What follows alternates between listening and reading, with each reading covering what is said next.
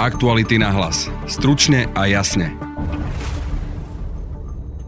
Súd na návrh prokurátora pripúšťa a zahrňa do rozsahu dokazovania vecné dôkazy navrhnuté v obžalobe s vymedzením ich Kočnerová tríma poslúži ako dôkaz aj v prípade úkladnej vraždy Jána Kuciaka a jeho snúbenice Martiny.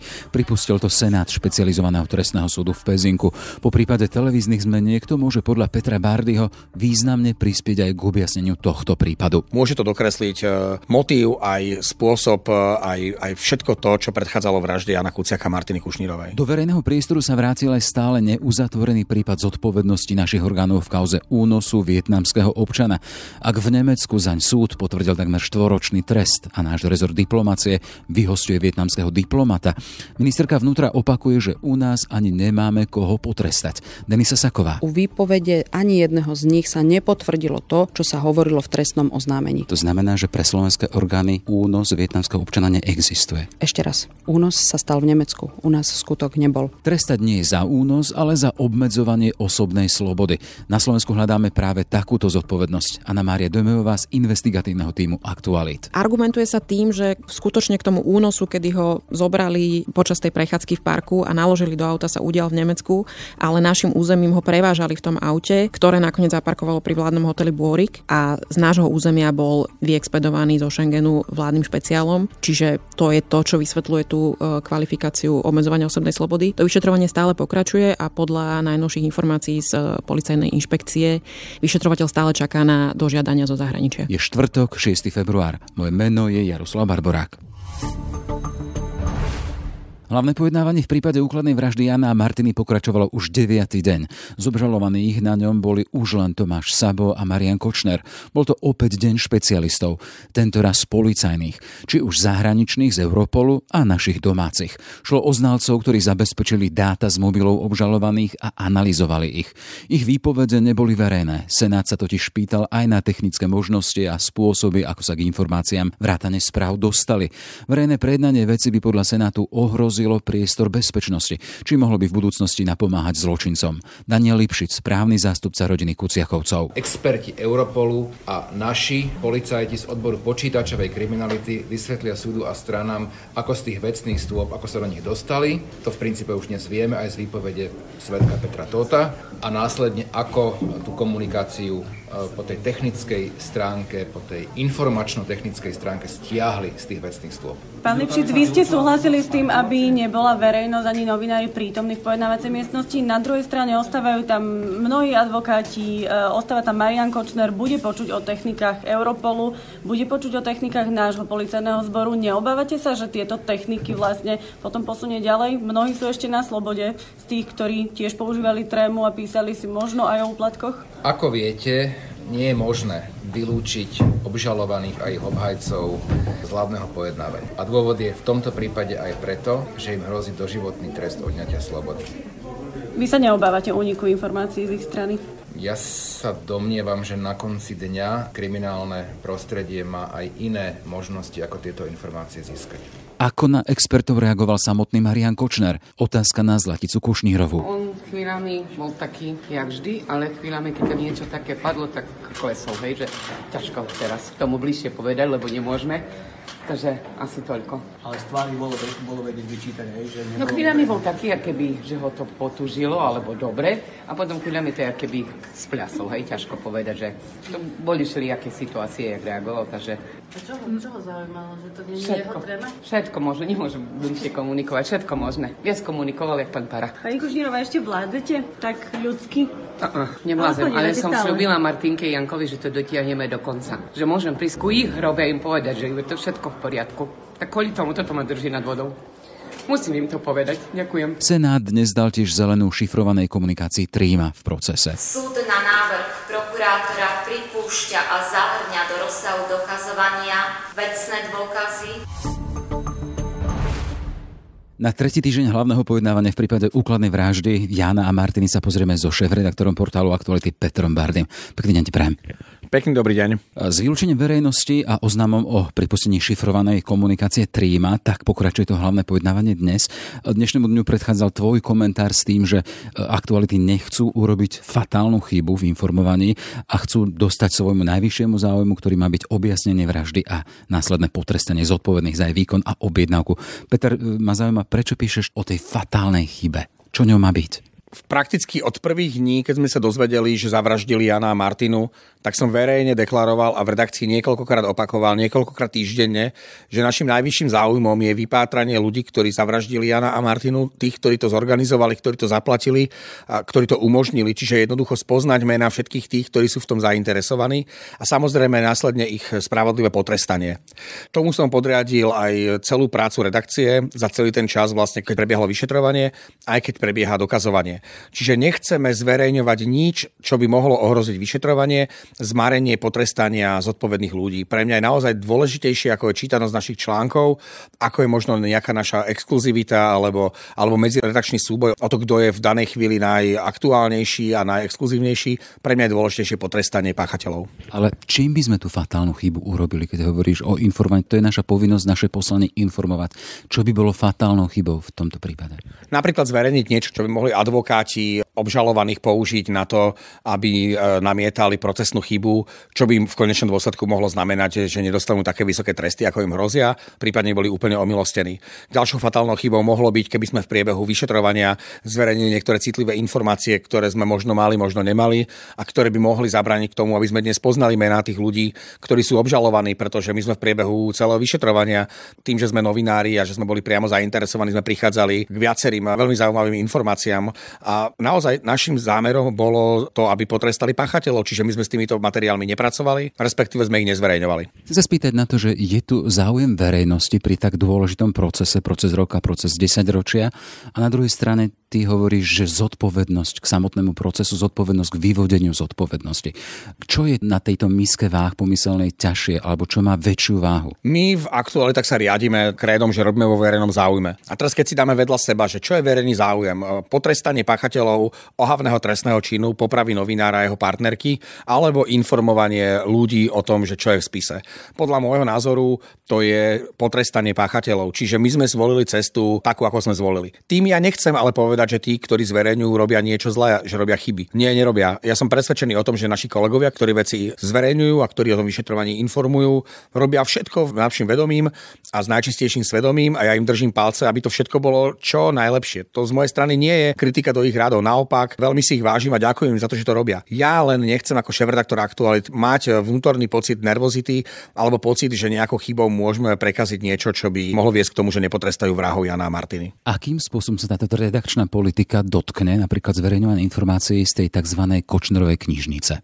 Vieme, že včera mal zaujímavú tlačovku predseda parlamentu Andrej Danko, ktorý vyzýval, alebo bol taký nešťastný z toho, že nemajú napríklad nemajú k nej prístup všetky médiá. Ja chápem Andreja Danka, že je smutný z toho, že tam niektoré médiá nemajú prístup, pretože pravdepodobne myslí médiá, ktoré sú vo sfére vplyvu Slovenskej národnej strany a teda by sa mohli prostredníctvom týchto médií dostávať k informáciám, ktoré sú v Kočnerovej knižnici. A to bol presne zámer, prečo tí, ktorí tieto data majú, prečo si vyberali iba určitý okruh médií. Sú tam iba médiá, ktoré sú uveriteľné, ktoré pracujú vo verejnom záujme a ktoré proste nemajú iný záujem len informovať o tom, čo tam zistia a zverejňovať zistenia, ktoré sú dôležité. Čiže nemajú... Ale keď do toho môžem vstúpiť optika napríklad druhej strany, a teraz hovorím o Andrejovi Dankovi, je tá, že ale čo, ak je za tým iný záujem, o ktorom hovorí, tam záujem opozičných strán, je tam záujem iných tretich osôb. Zabrániť tomu, čo si kto o tom myslí, sa jednoducho nedá. Aj keby tam boli všetky médiá sveta, tak jednoducho nezabránime tomu, aby si ktorýkoľvek z politikov mohol myslieť, že za tým je Šoroš alebo že za tým je niekto iný. Čiže dnes je to opozícia, zajtra by to mohol byť Šoroš,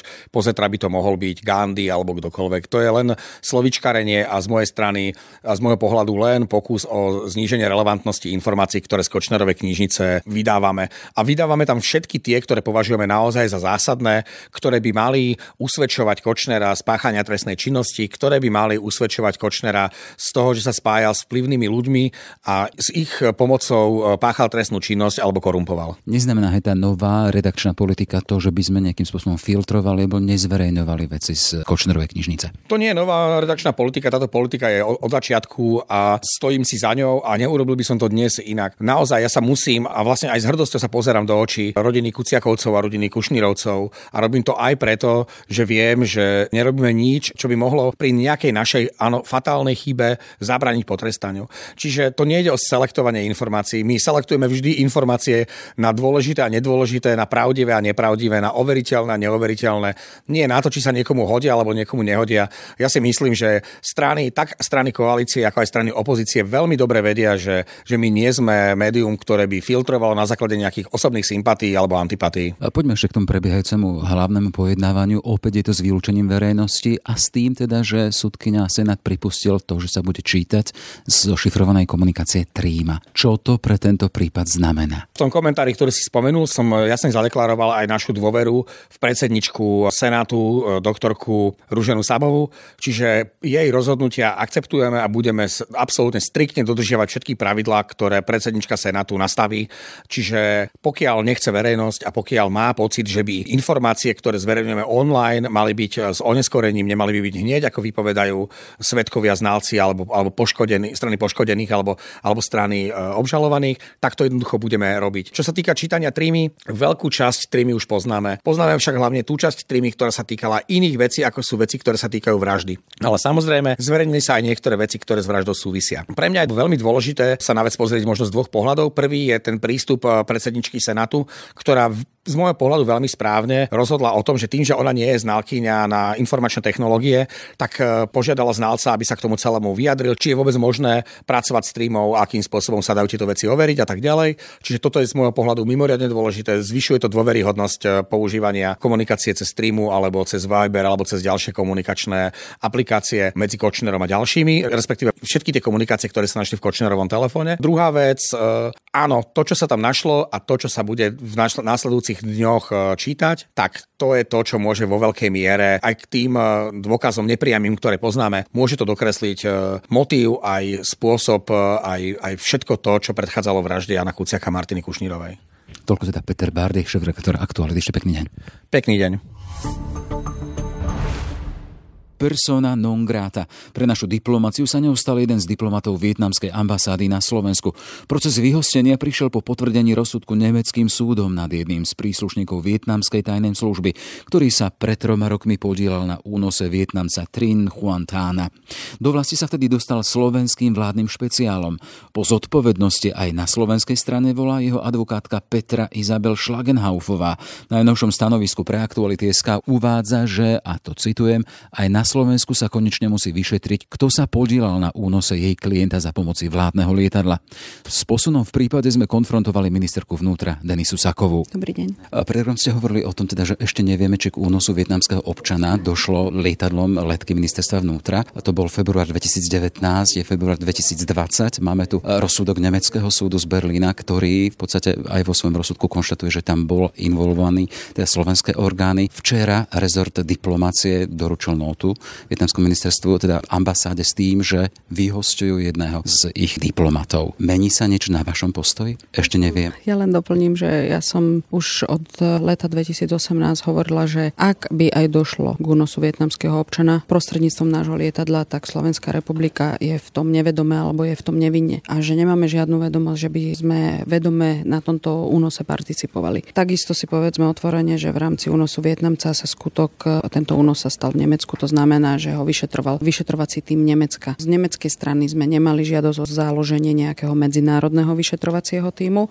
My sme len v rámci medzinárodnej právnej pomoci poskytovali všetky potrebné veci a úkony, ktoré nemecká strana od nás žiadala. Či to boli už konkrétne výsluchy osôb, na ktorých sa aj nemeckí vyšetrovatelia mohli zúčastňovať osobne. Ja som zbavovala mlčanlivosti všetkých ľudí, ktoré nemecká strana požiadala v rámci tej medzinárodnej právnej pomoci zbaviť mlčanlivosti a vlastne vypočuť vypočuť. Tu môžem povedať, že nepoznám ani závery nemeckého vyšetrovania. Ja len podotknem, že ešte v septembri 2018 som aj navštívila nemeckého ministra vnútra, pána Zehofera a veľmi pekne ďakoval za promptnosť, efektívnosť spolupráce, ktorú im naše orgány činné v trestnom konaní poskytujú v tomto vyšetrovaní. Priznám sa, neviem výsledky tohto vyšetrovania. Z médií mám informácie, že včera bola zamietnutá žiadosť občana, to znamená, že platí rozsudok prvostupňového súdu. Tým pádom ohľadom hovoril so mnou aj minister zahraničných vecí, že ide rokovať s vietnamskou ambasádou a pravdepodobne dojde k vyhosteniu vlastne tomu diplomatickému kroku, ktorý by mal vyriešiť to napätie vzťahov medzi Nemeckom, Slovenskom a Vietnamom. V každom prípade hýbateľ celého tohto procesu, a keď hovoríme teda o vyhostení vietnamského diplomata, bol práve celý ten skutok únosu Vietnamca. Na tej našej slovenskej strane hovoríte teda, že ste zbavili mlčanlivosti ľudí, ktorí mali vypovedať aj z ochranky. Je vyvodená zodpovednosť na Slovensku? Vieme, že prebieha nejaké šetrenie v rámci inšpekcie ministerstva vnútra. To, čo som spomínala, je vyšetrovanie na nemeckej strane. Ešte raz, v rámci medzinárodnej právnej pomoci my sme im poskytli maximálnu súčinnosť. Takisto aj generálny prokurátor, aj ja sme boli pochválení zo svojich úrovní z nemeckej strany, že tá súčinnosť tam bola 100%. Vyšetrovanie podľa všetkého tam skončilo a tým znamená, že aj rozsudok, ktorý súd vyvodil. Poďme na Slovensku. Pýtam sa v podstate na... Na Slovensku bolo trestné oznámenie, myslím, v auguste 2018. Bolo to od jednej pani redaktorky. Podľa paragrafu 196 odsek 2 ešte pred začatím trestného konania boli vypočutí všetci, všetci účastníci alebo všetci svetkovia, ktorí boli spomínaní v trestnom oznámení, plus ďalší ľudia, ktorí mohli o tejto skutočnosti vedieť. To, čo bolo napísané v trestnom oznámení, sa nepotvrdilo ani v jednej výpovedi daného svetka. To znamená, že vyšetrovanie bolo ukončené keď sa bavíme o tej inšpekcii rezortu vnútra? To je toto vyšetrovanie. Že aktuálne v podstate sa už nikto na Slovensku nevyšetruje. My informovali, my sme to informovali, že vyšetrovanie sa ukončilo s tým, že všetci, ktorí boli vypočutí v rámci tohto vyšetrovania, to nebolo vyšetrovanie, to bolo pred začatím stíhania podľa paragrafu 196 odsek 2 sa vypočuli dotknuté osoby, ale u výpovede ani jedného z nich sa nepotvrdilo to, čo sa hovorilo v trestnom oznámení. To znamená, že pre slovenské orgány únos vietnamského občana neexistuje. Ešte raz, únos sa stal v Nemecku, u nás skutok nebol. Ak mal tohto občana viesť aj slovenský vládny špeciál, vieme teda, že tam bol ten incident s tým, že na prelet Polskom potreboval dovolenie, teda bolo tam tá komunikácia, že tam sedí minister vnútra vtedajší Kaliňák, z toho vyšlo teda, že tam nebol. Čiže nebol to celkom v poriadku. Ešte raz, k tomu, ako boli jednotlivé prelety objednávané, neboli, sa jasne vyjadril ex-minister vnútra Robert Kaliňák. Treba si pozrieť na to, ako sa k tomu vyjadril. Ja si skutočne už na tieto všetky vyjadrenia nepamätám v tejto veci. On jasne povedal, že v rámci toho, že bol minister vnútra mohol povoliť podľa uznesenia vlády o tom, komu môže povoliť a nemôže povoliť lety, tak mohol povoliť diplomatom lety na vyzvanie alebo na oslovenie zo strany ambasády. Nepamätám si presne to uznesenie, kľudne vám ho dohľadám, kľudne vám dohľadám aj bod a vyjadroval sa k tomu ex-minister vnútra Robert Kaliňák. On o tomto lete rozhodoval. Ja skutočne neviem o tom tie detaily, prečo to najskôr bolo tak a prečo to potom tak nebolo. Bolo tak ľudovo, ak v Nemecku padol rozsudok 3,5 roka človeka, ktorý bol do toho zainvolvovaný a na Slovensku hovoríme, že nič také neexistuje. Ešte raz. Pán redaktor, skutok nastal v Nemecku. My nemáme žiadnu právnu podporu na to, aby sme tento skutok vyšetrovali. My sme mali trestné oznámenie, v ktorom sa niečo písalo, že boli do toho zainvolovaní ľudia z ochranky. Všetkých, ktorí boli potrební, som zbavila mlčanlivosti a všetci boli vypočutí. To, čo bolo v trestnom oznámení, sa nepotvrdilo. My nemáme právny podklad na to, aby sme riešili a vyšetrovali únos. Únos sa stal v Nemecku. Čiže na Slovensku podľa toho, čo hovoríte vy, neexistuje zodpovedný za únos. Ešte vám dodám. Keď sme vyšetrovali vraždu Jana Kuciaka a Snúbenice, my sme spravili medzinárodný vyšetrovací tím. Nemecká strana mala možnosť spraviť medzinárodný vyšetrovací tím, v tomto prípade a nespravila ho vyžiadala si len našu podporu v rámci medzinárodnej právnej podpory. Na, na teda, aby sme to zatvorili, Točíme Podľa, no nevadí, on to chce zatvoriť, no a mňa to ešte baví stále. Mňa to už nebaví, Hej, som vám povedala všetky fakty. Presne, už len jedna vec, to znamená, že ak pre Nemecko únos aj v podobe rozsudku existuje, podľa ministerky vnútra Slovenskej republiky neexistuje. Ja som vám nepovedala, že neexistuje. Ja som len povedala, že nepoznám jeho detaily. Vy ma nepočúvate. Ja som vám povedala, že neviem detaily daného rozsudku, neviem, nepoznám vyšetrovací spis, lebo som ho nevidela, nie som orgán činný v trestnom konaní a myslím si, že ho nemá ani generálna prokuratúra zatiaľ, že ho neobdržala z nemeckej strany. Pokiaľ by ho obdržala, určite by sme o tom mali informáciu. Neviem, čo sa píše vo vyšetrovaní, neviem, aká skutková podstata tam bola nadefinovaná, neviem, ako vyzerá rozsudok Nemeckej republiky. Sa ma pýtate na fakty. Ale povedali ste aj na slovenskej strane o tom teda, že tí ja naši výpočutí... Chcem, chcem vedieť, kto tá zodpovednosť na slovenskej strane nie je vyvodená, hej? Tak. Ale z čoho? No v rámci toho vyšetrovania inšpekcie ministerstva vnútra ste hovorili, boli vypočutí. Dobre. Inšpekcia ministerstva vnútra na základe paragrafu 196 odsek 2 vypočula všetkých, ktorých vypočuť mala. Podľa ich výpovedí sa sk- to, čo bolo v trestnom oznámení, sa to nepotvrdilo, to, čo bolo v trestnom oznámení. To znamená, že to bolo uzatvorené. Vyšetrovací orgán ani nezačal trestné stíhanie. Toľko ministra vnútra, Denisa Sakva. Pekný deň. Pekný deň. A na prípad sa pozrieme aj s Annou Mariou Demeovou, ktorá sa mu venovala od začiatku. Pekný deň, Prajem. Pekný deň. K únosu Vietnamca došlo v Nemecku. Nemali sme teda ani dôvod vysvetľovať únos a trestné oznámenie o možnom zapojení našich orgánov sa nepotvrdilo. Slovenská časť zodpovednosti na únose vietnamského občana teda nie je aktuálna. No to je v skratke záver toho, čo povedala ministerka vnútra Denisa Saková. E, ty si na kauze pracovala od začiatku. Ako teda vnímaš takýto záver, ako hovorí ministerka? Treba povedať, že vyšetrovanie prebieha aj na Slovensku, akurát jeho predmetom nie je únos, ale obmedzovanie osobnej slobody. Aký je v tom rozdiel? Argumentuje sa tým, že skutočne k tomu únosu, kedy ho zobrali počas tej prechádzky v parku a naložili do auta sa udial v Nemecku, ale našim územím ho prevážali v tom aute, ktoré nakoniec zaparkovalo pri vládnom hoteli Bôrik a z nášho územia bol vyexpedovaný zo Schengenu vládnym špeciálom, čiže to je to, čo vysvetľuje tú kvalifikáciu obmedzovania osobnej slobody. To vyšetrovanie stále pokračuje a podľa najnovších informácií z policajnej inšpekcie vyšetrovateľ stále čaká na dožiadania zo zahraničia. V Nemecku vieme, že je už od minulého týždňa za únos právoplatne odsudená osoba. Náš rezort diplomácie v reakcii na to začal včera ten proces vyhostenia vietnamského diplomata. Sedí to, že u nás netreba hľadať žiadneho zodpovedného za poskytnutie toho vládneho špeciálu, toho slovenského vládneho špeciálu? Podľa mňa to tak nie je. Napokon aj nemeckí vyšetrovatelia v tej správe, ktorú spísali potom, ako boli na Slovensku, upozornili na človeka, ktorý bol v minulosti poradcom Roberta Fica ešte keď bol premiérom a bol aj našim diplomatom vo Vietname a zúčastnil sa aj toho rokovania, ktoré prebehlo medzi vietnamskými zástupcami a vtedajším ministrom vnútra Robertom Kaliňakom a je to muž s menom Lehong Kwang. Ten už v slovenskej diplomácii nepôsobí, kde pôsobí teraz nie je jasné. On sám teda odmietol akékoľvek spájanie s únosom, ale je pravda, že vyšetrovateľia jeho smerom uvažovali. A keď hovoríme o tej zodpovednosti za to poskytnutie vládneho špeciálu? Tam sa Robert Kaliňák celý čas bránil, že buď k ničomu nedošlo, lebo veď vietnamská strana akýkoľvek únos odmieta, tvrdí, že jej občan sa vrátil e, do krajiny dobrovoľne, alebo teda hovorí o tom, že bola zneužitá naša pohostinnosť a boli sme zavedení.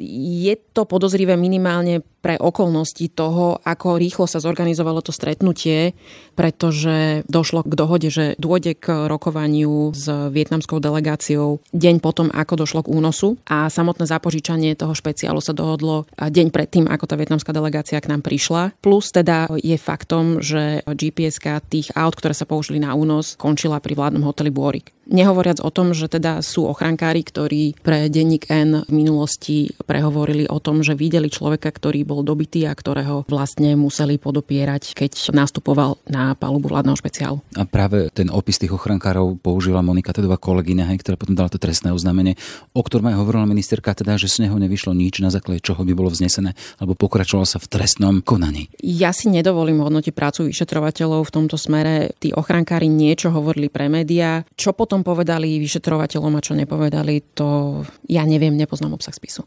Jasné. Čiže, aby sme to zatvorili, bude to vyhostenie e, toho vietnamského diplomata zo Slovenska jediným ťahom našich orgánov v tomto prípade? Ja sa obávam, že áno. Je to v poriadku? Ja si myslím, že by to pritom nemalo skončiť. To vyšetrovanie obmedzovania osobnej slobody stále beží, ale ja si vôbec nedovolím mm, urobiť z toho nejaký predpoklad, ako to dopadne. Čiže môžeme očakávať, že s prípadnou zmenou vládnej garnitúry po voľbách môže byť otvorený tento prípad alebo dotiahnutý do konca. Minimálne určite bude využívaný v predvolebnom boji. Toľko teda Anna Maria Demeová. Ešte pekný deň prajem. Pekný deň vám. Aktuality na hlas. Stručne a jasne. Sme v závere. Na dnešnom podcaste spolupracovali Lucia Babiaková, Laura Keleová a Denisa Hopková. Ešte pekný deň želá Jaroslav Barborák.